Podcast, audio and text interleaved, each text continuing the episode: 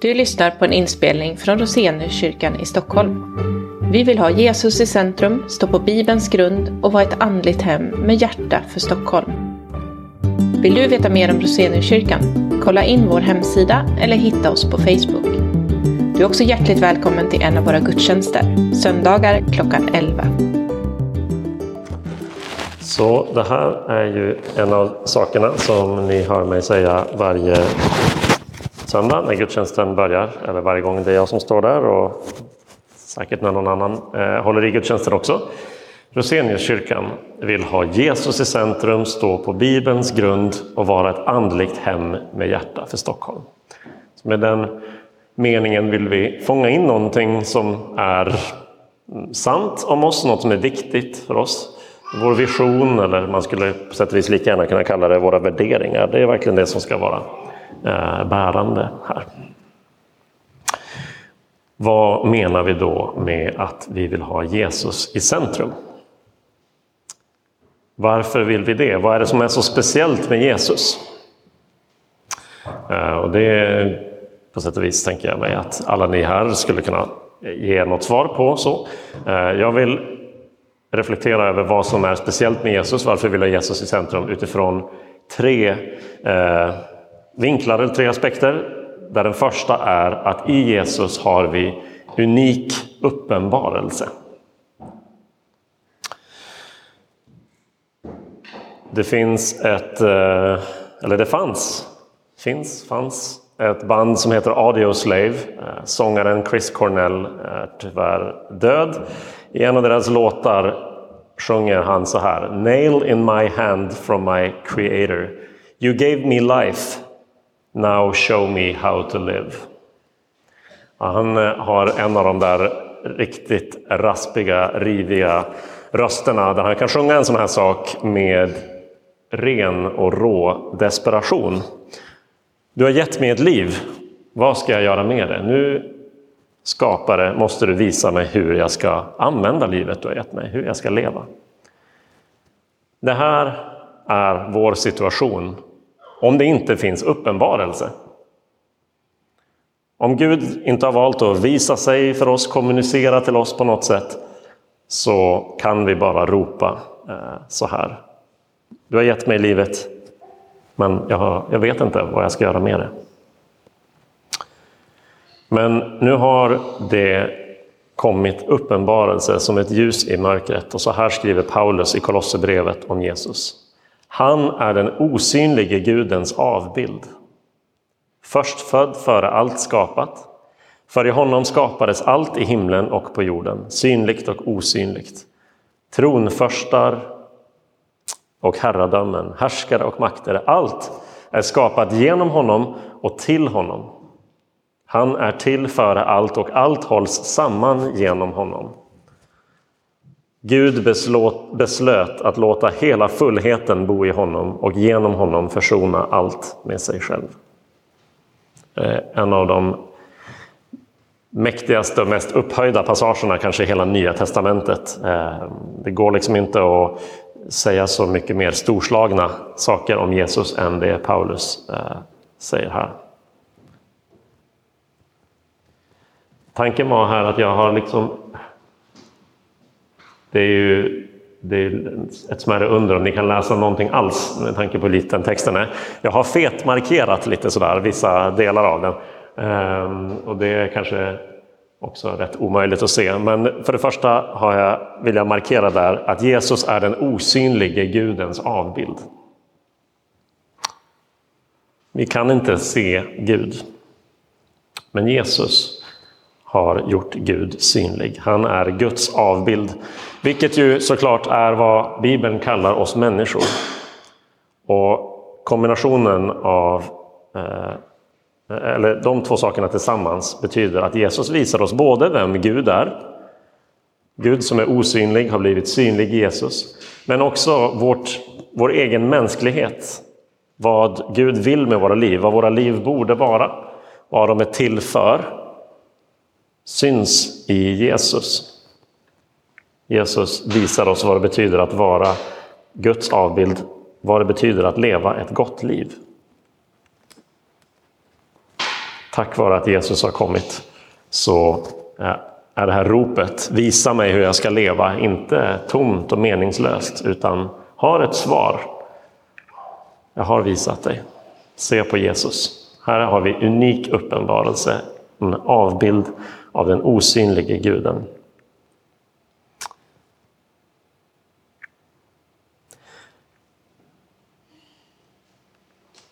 Om vi återvänder till perspektivet utan uppenbarelse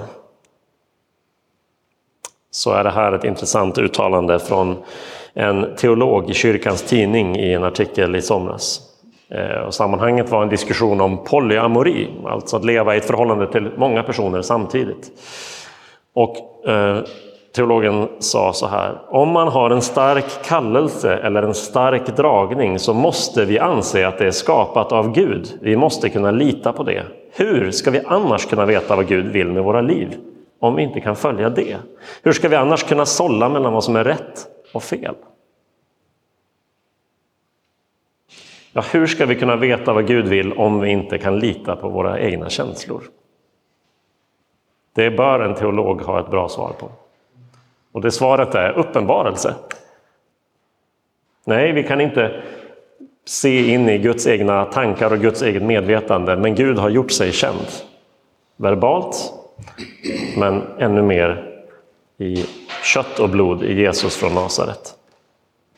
Vi behöver inte, Eh, och bör inte, det inser de flesta, följa alla dragningar vi känner inom oss, inte ens de som känns starkast. Gud har gett oss något mycket mer tillförlitligt att leva efter. Så vi vill ha Jesus i centrum därför att i Jesus finns unik uppenbarelse. Eh, det andra är ett unikt välkomnande. Det här är från Lukas evangeliets femte kapitel. Sedan gick Jesus ut och han såg en tullindrivare som hette Levi sitta vid tullhuset. Han sa till honom, följ mig. Då lämnade Levi allt och reste sig och följde honom. Levi ordnade en stor fest för Jesus i sitt hem och en stor mängd tullindrivare och andra låg till bords med dem. Fariseerna och deras skriftlärda kritiserade hans lärjungar och frågade varför äter och dricker ni med tullindrivare och syndare? Jesus svarade dem det är inte de friska som behöver läkare utan de sjuka. Jag har inte kommit för att kalla rättfärdiga till omvändelse utan syndare. Det här är en härlig text och ett annat namn för Levi är Matteus. Så det här är en av de tolv. Det här är han som sen skrev Matteus eh, evangeliet. Eh, som kallades att följa Jesus och som blev så eh, glad och kanske överraskad över det privilegiet att han direkt ställer till med en stor fest. Men den här reaktionen som det väcker, varför äter och dricker ni med tullindrivare och syndare? Det visar sig när vi läser Lukas evangeliet att det är en ständig anklagelse, en ständig liksom nagel i ögat på Jesu kritiker och motståndare. Så vi har det här exemplet.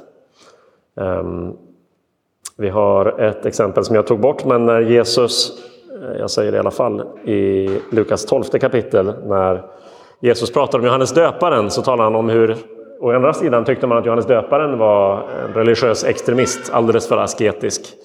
Men när Människosonen kommer och han äter och dricker, ja då, säger han, anklagade mig för att vara en vän till tullindrivare och syndare. Kapitel 15 så, eh, kapitel 15 börjar så här.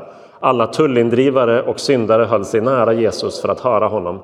Men fariseerna och de skriftlärda kritiserade honom ständigt och sa den där mannen tar emot syndare och äter med dem. Så inte bara det att Lukas, eh, att det finns liksom på en rad ställen i Lukas evangelium, utan han understryker i ett av dem, i kapitel 15, att det här var liksom någonting som de hela tiden pressade Jesus på. Hur kan du umgås med de här människorna?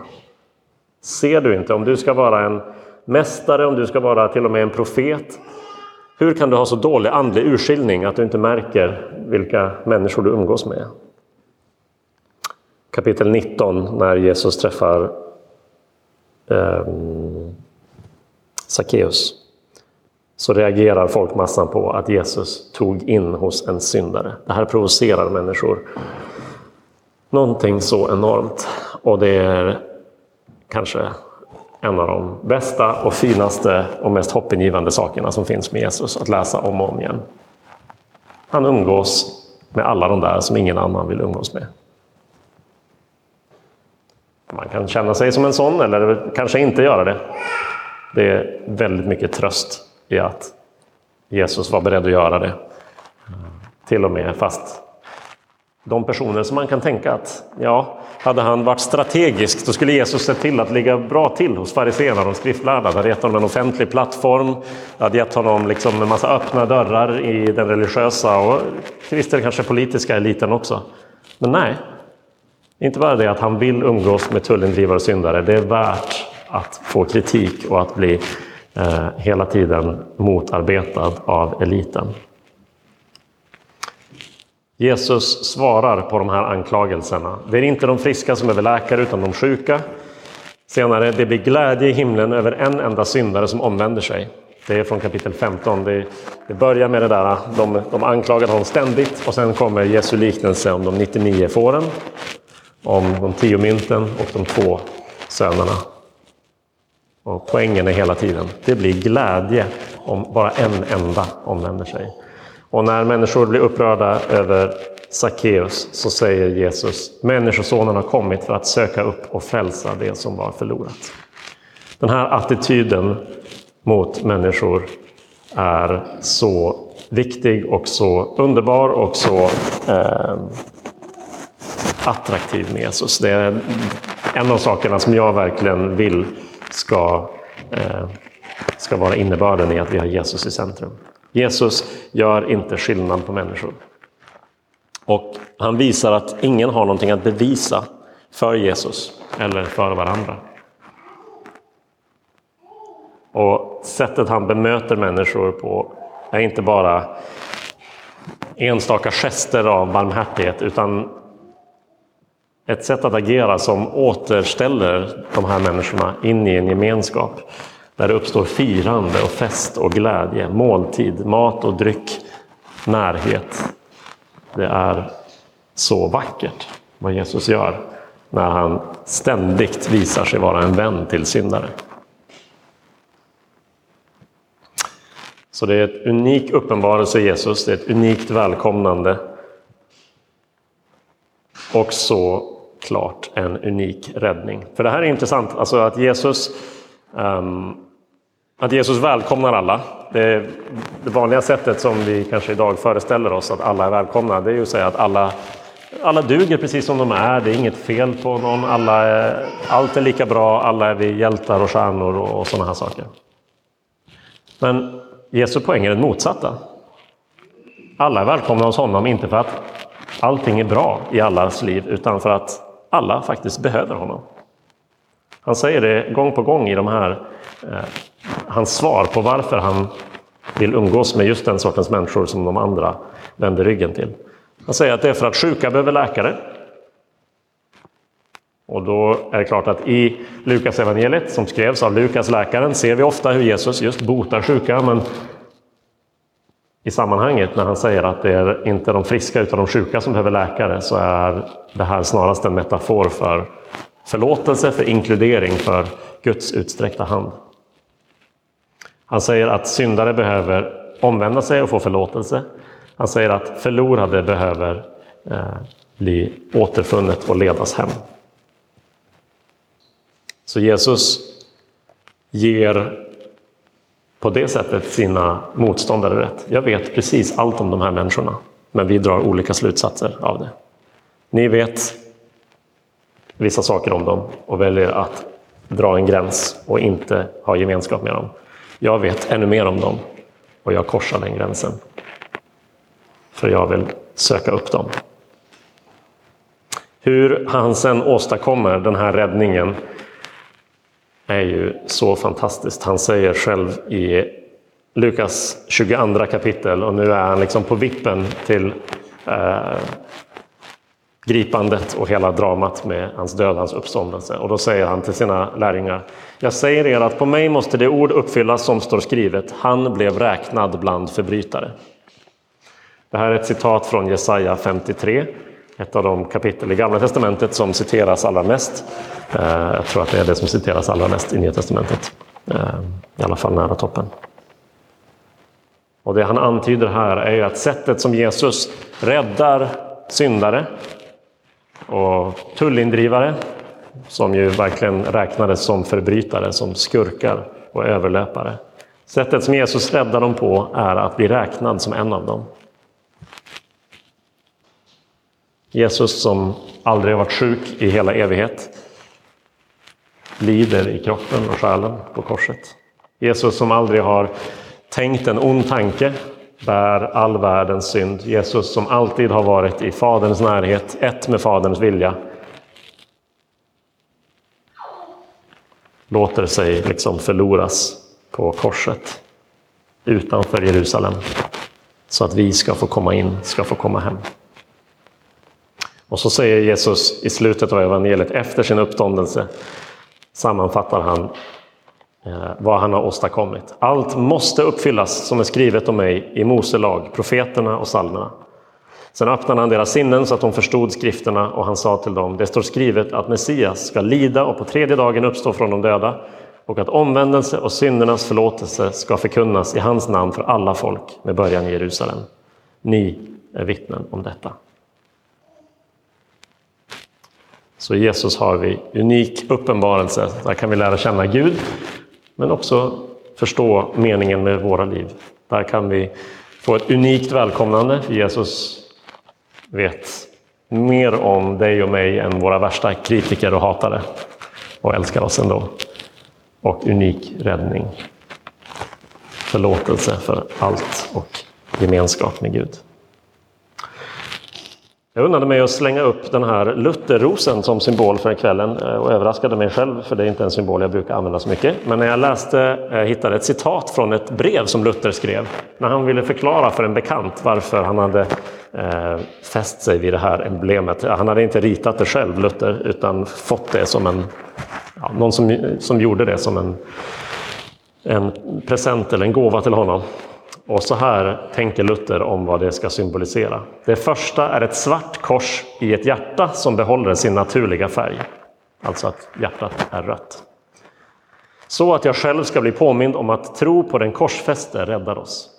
Även om det är ett svart kors som ödmjukar och som också borde orsaka smärta lämnas hjärtat i sin naturliga färg. Korset förstör inte det naturliga, det dödar inte utan håller vid liv. Ett sådant hjärta ska vara i mitten av en vit ros för att visa att tron ger glädje, tröst och frid. Så här hör vi Luther liksom tänka kring vad de olika färgerna symboliserar och jag tycker det är så intressant eh, och så fint hur han återkommer till att hjärtat måste vara rött. Korset är svart, ja, för det symboliserar någonting mörkt. Om vem jag är och vad det kostade Jesus att rädda mig. Men korset ska eh, lämna hjärtat i sin naturliga färg. För det dödar inte, utan det håller vid liv. Så att ha Jesus i centrum betyder åtminstone, bland annat, hoppas jag, att vi vill leva vända mot Jesus och hans undervisning. Att vi vill välkomna människor som Jesus gjorde och att vi vill vittna om Jesu död och uppståndelse, vår räddning. Jesus, vi tackar dig för att du är den osynlige Gudens avbild. Tack för att du kom till jorden så att vi skulle få en chans att lära känna Gud och se eh, en hel spegelbild av oss själva och vad ett människoliv kan vara istället för den eh, brustna bild som våra egna liv hela tiden eh, visar tillbaka till oss. Jesus, tack för att du kom till jorden och för att du sökte upp det som var förlorat. Tack för att du välkomnar och bjuder in alla människor i din närhet. De som andra inte eh, vill beblanda sig med vill du söka upp. Vill du välkomna, vill du leda hem. Och tack Jesus för att du har gett oss räddning, förlåtelse, från, förlåtelse för synd, frihet från skuld och skam och gemenskap med Gud själv och varandra. Jesus, vi vill att allt det här som du är och som du har gjort för oss ska prägla Roseniuskyrkan. Vi drömmer om att det här ska vara en plats dit människor kommer och får höra evangeliet om dig och ta emot det. Vi ber att det här ska vara en plats från vilken vi sänds ut med eh, ny riktning och driv i våra liv. Eh, en kärlek till din värld och till eh, de människor som du älskar. Eh, med frimodighet och en önskan om att vittna om dig eh, där du har satt oss. Hjälp oss Jesus att ha dig i centrum. Amen. Jag ska säga lite grann om vad som händer i höst här. Det här får lov att vara lite av en uppstart för vissa saker. Eh, verkligheten är ju sån att eh, verkliga uppstarterna det är söndagar så där i slutet av augusti när kyrkan är fullsatt och man märker nu är vi tillbaka, nu är vi igång. Men vi gör saker utanför söndagarna och även om det varierar hur mycket man kan komma på det så är det här lite av en uppstart för sånt. Och vad som händer i höst är till exempel följande. Vi har redan nu på fredag en kväll då Rålambshovsparken förhoppningsvis är sådär grön och varm och inbjudande. Då vi har picknick eh, från 17.30. Man tar med sig det man vill sitta på, det man vill äta och kanske om man har någon utelek som man vill eh, involvera andra i. Eh, brännboll, eh, spikeball har båda förekommit förut. Det finns möjlighet att ta med om man har andra idéer. Skulle vädret svika så blir det brädspel här på gränden istället. Eh, och då menar jag att det verkligen det regnar så att man inte kan sitta där ute. Om det är lite mulet och lite svalt så, så kör vi på. Men eh, ett tips här är att eh, man kan höra av sig till mig om man blir osäker. Och eh, man kan även hålla koll om man har möjlighet, om man har Facebook, kan man hålla koll på evenemanget där och eh, även på hemsidan. Ser man ingenting, då är det Rålambshovsparken som gäller vid Torilsplans tunnelbana. Sen har vi kommande onsdagskvällar. Varannan onsdag händer det någonting här i kyrkan eller på gränden. Om två veckor så kommer vi prata om att vara samlade och spridda. En aspekt av att vara kyrka i en stor stad är att vi bor långt ifrån varandra. Eh, vi samlas och så sprids vi ut. Och hur kan vi, hur kan vi tillsammans ehm, både förstå teologiskt hur Gud jobbar med sitt folk när, de, när han samlar dem och när han sprider ut dem. Varför gör han det? Men också fundera lite grann tillsammans på mer praktiskt. Hur kan vi bygga en bra, varm, stark kristen gemenskap för varandra när vi eh, till hög grad är utspridda över stan? Det ska vi prata om om två veckor. Sen har vi veckomässa och bön och lovsång händer ibland två gånger har vi tänkt ha bön och lovsång som ni kommer se strax. Eh, och det är ju eh, otroligt fina tider att få komma hit och bara få lov att vara i stillhet inför Gud, i, ta emot nattvarden, få sjunga och be tillsammans. Någon håller kanske någon liten andakt på, på de här bön och lovsångskvällarna som regel också. Eh, så de är väldigt värdefulla. Sen har vi en kväll om mission och om onådda folk som Daniel kommer att hålla i. Eh, och den intressanta tanken där är ju onåda folk lokalt, vad det kan betyda. Men jag ska inte ge någon spoiler på det. I november så får vi besök av Louise Lindholm som är doktorand i teologi och etik. Och hon ska prata om gästfrihet, om att bereda plats för andra. Eh, vi var inne på ikväll hur centralt det var för Jesus att äta med människor. Att besöka människors hem. Och det var något som präglade den, eh, den, första församlingen också, hur man öppnade sina hem för varandra och umgicks där. Så vi ska prata om gästfrihet då. Också i december tänkte jag eh, prata om myter och missförstånd om julen. De dyker upp, vissa dyker upp varje år. Eh, hej! Hur det var med stallet eller grottan, vet vi egentligen vilket datum eller vilket år Jesus föddes? Kan man verkligen tro att en stjärna stannade över vad det nu var för slags lokal i Betlehem där Jesus föddes och så vidare. Alla de där sakerna som ofta dyker upp. Eh, den här kvällen så har man eh, någon i ens liv som gillar att ta upp de där eller som man tror kanske går att fundera på de där så är det ett utmärkt tillfälle att bjuda med dem hit. Eh, och man får gärna önska sådana här myter, missförstånd eller kanske bara liksom, hur är det egentligen med det här? Får man gärna skicka till mig om man vill önska saker jag ska inkludera. Listan är redan ganska lång men eh, det kanske går att få in fler. Vad sa du? Ja, så kan det vara. Så kan det vara. Men det kan, kan finnas fler. När det inte händer något här, eh, de veckorna då det inte händer något här mitt i veckan, så är det tid för hemgrupperna. Eh, och allt eftersom Rosenekyrkan växer blir det ännu viktigare att vi har en liten gemenskap. Vi kan inte vara vän med alla. Vi kan vara vänliga eh, mot alla, men vi behöver också vänner som känner oss, som vi delar livets glädjeämnen och sorger med och som vi ber och läser Bibeln tillsammans med. Så en hemgrupp kan, vi verkligen, eh, kan jag eh, personligen verkligen rekommendera och jag vet att ja, många här inne kan göra det också. Eh, Rosenekyrkans hemgrupper är i nuläget, nuläget ganska så ehm, de är, eller de är väldigt självstyrande. De får var för sig komma på vad man vill göra. Eh, om man vill gå igenom en bibelbok eller läsa en helt annan bok. Eh, eller eh, ja, hur man nu vill lägga upp det. Men vi vill gärna hjälpa till att hitta en grupp om man är intresserad av det. Och man flyttar ibland och det finns stora poänger med att om möjligt hitta en grupp som är nära eh, där man bor. Så därför så får man också vara beredd på att byta grupp ibland och att ens grupper liksom rumstreras om lite grann.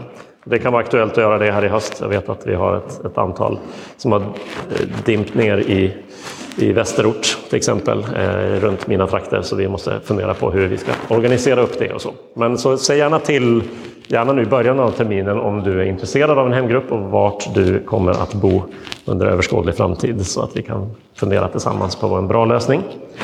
Sen ska jag säga att vi är lite i en process där vi under hösten ska eh, komma med en lite tydligare beskrivning. Det här är hur vi tänker oss att hemgrupperna passar in i Roseniuskyrkans större vision och verksamhet och, och mål. Och eh, att vi vill liksom, eh, jobba lite tydligare med hur hemgrupperna organiseras och leds. Så att vi snabbare och på bättre, tydligare sätt kan eh, ändra när en grupp behöver ta in någon ny eller sådär så man vet. Liksom, få lite bra struktur på det. Så det kommer ni som är med i en hemgrupp i höst, ni kommer få lite sånt förslag ut på remiss, som det heter, eh, och ge synpunkter på när, när det är klart. Tillbaka till saker som har mer bestämda datum så är det ju nu bara tre veckor kvar till vår församlingshelg på Drakudden. Man kan anmäla sig, några har gjort det men inte så många än. Eh, så gör gärna det. Gå in på roseniuskyrkan.se. Eh, efter ikväll kommer det här vara det första du ser. Det kommer vara en bild, den, den, här bilden. Klicka på den och längre ner finns det en knapp för att anmäla sig. Där står det tider och priser och sådana här saker. Eh, helgen kommer ha bön som tema. Och eh, som de här bilderna illustrerar så handlar det både om ens enskilda bön, det handlar om bön i gemenskap med andra och det handlar om bön för eh, hela eh, Guds rike och missionen. Det blir de tre olika eh, sidorna av bön som vi kommer att tala om. Två av dem kommer Kristoffer Abrahamsson att undervisa om, som är präst i Betlehemskyrkan i Uppsala. Så han kommer på lördag förmiddag och sen så på lördag kväll blir det ett lite annat upplägg. Det kommer att vara barnverksamhet på för och eftermiddag och sen eh, kommer barnen troligtvis vara med på lördag kväll. Och på söndag är det en gudstjänst för alla åldrar som vanligt så att eh, barnen har en, en tydlig plats och något att göra under hela helgen. Och vi hoppas på bra väder, då är det ju en alldeles ljuvlig plats att vara på. Så jag hoppas, jag hoppas vi kan fylla Drakudden i år. Eh, några övriga saker som inte passade in någonstans och som jag inte har något sån här snygg flashig bild till än är att vi ska ha en tema eftermiddag om föräldraskap i oktober. Eh, det är jag och Sofia som kommer att hålla i den, så det blir gudstjänst först och sen lite rejält kyrkfika och sen en liten fortsättning. Och när vi gör saker för föräldrar så försöker vi eh, såklart ordna barnpassning om man behöver det. Eh, mer i detalj vad det kommer handla om, det, det, får ni se lite närmare. Och julfest är väl det andra som, som ligger i kategorin övrigt, men det känns lite avlägset att prata om julfest eh, i nuläget, så vi skippar det. Vi låtsas att hösten är lång och kommer gå långsamt i behagligt tempo. Hur kan man då hänga med i allt som händer? För det första så är det bra att försöka ta del av information och det gör man till exempel med nyhetsbrev. Det kommer ut en gång i veckan och vart fjärde nyhetsbrev är lite mer sådär ett, ett månadsbrev där man ja, till exempel kan se fina bilder på människor som har döpts eller gift sig i kyrkan på sistone eller få höra om något annat som har hänt. Men eh, de här breven hjälper en också att se vad är det som är på gång. Eh, hemsidan försöker vi hålla uppdaterad och tydlig så gott det går och så har vi eh, Facebookgruppen Rossen. Och den är bra för de här lite mer informella grejerna som att syjunta äger rum ibland hos någon eller någon behöver hjälp med ett eh, flyttlass eller någon efterlyser en bok eller ett par galonbyxor eller något. Eh, har man Facebook så kan det vara ett bra sätt att koppla in sig och, och be om hjälp själv eller eh, få chansen att hjälpa andra. Det jag glömde lista här är vår podcast. Det är ju liksom, nu är ni här va, eh, men jag vet att det är många som inte kan hinner, orkar komma loss på vardagskvällar och annat. Eh, och man missar söndagsgudstjänster ibland också. Predikningar och undervisning läggs upp inom några dagar i vår podcast. Det är bara att söka på Roseniuskyrkan i en vanlig poddapp så kan man lyssna i fatt så känner man att man är med i vad som händer.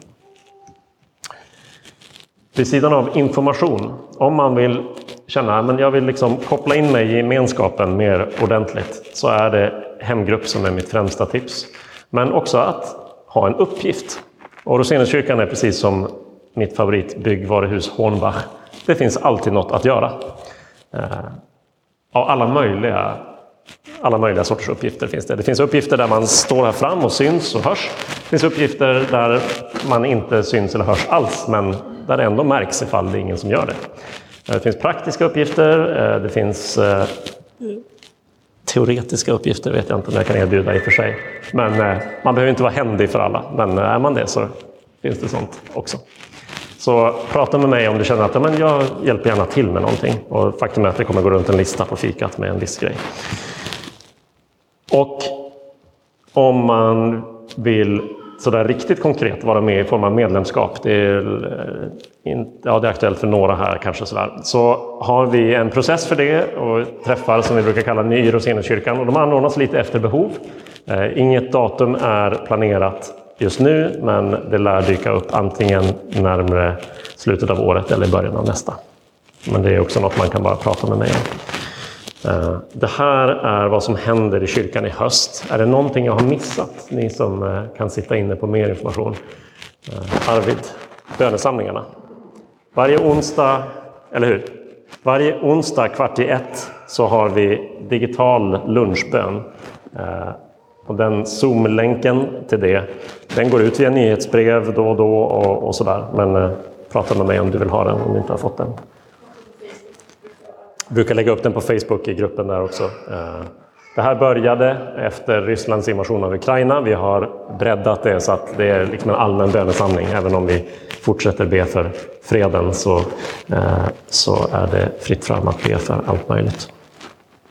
Okej, okay, är det något annat än det som ska läggas till? Bra.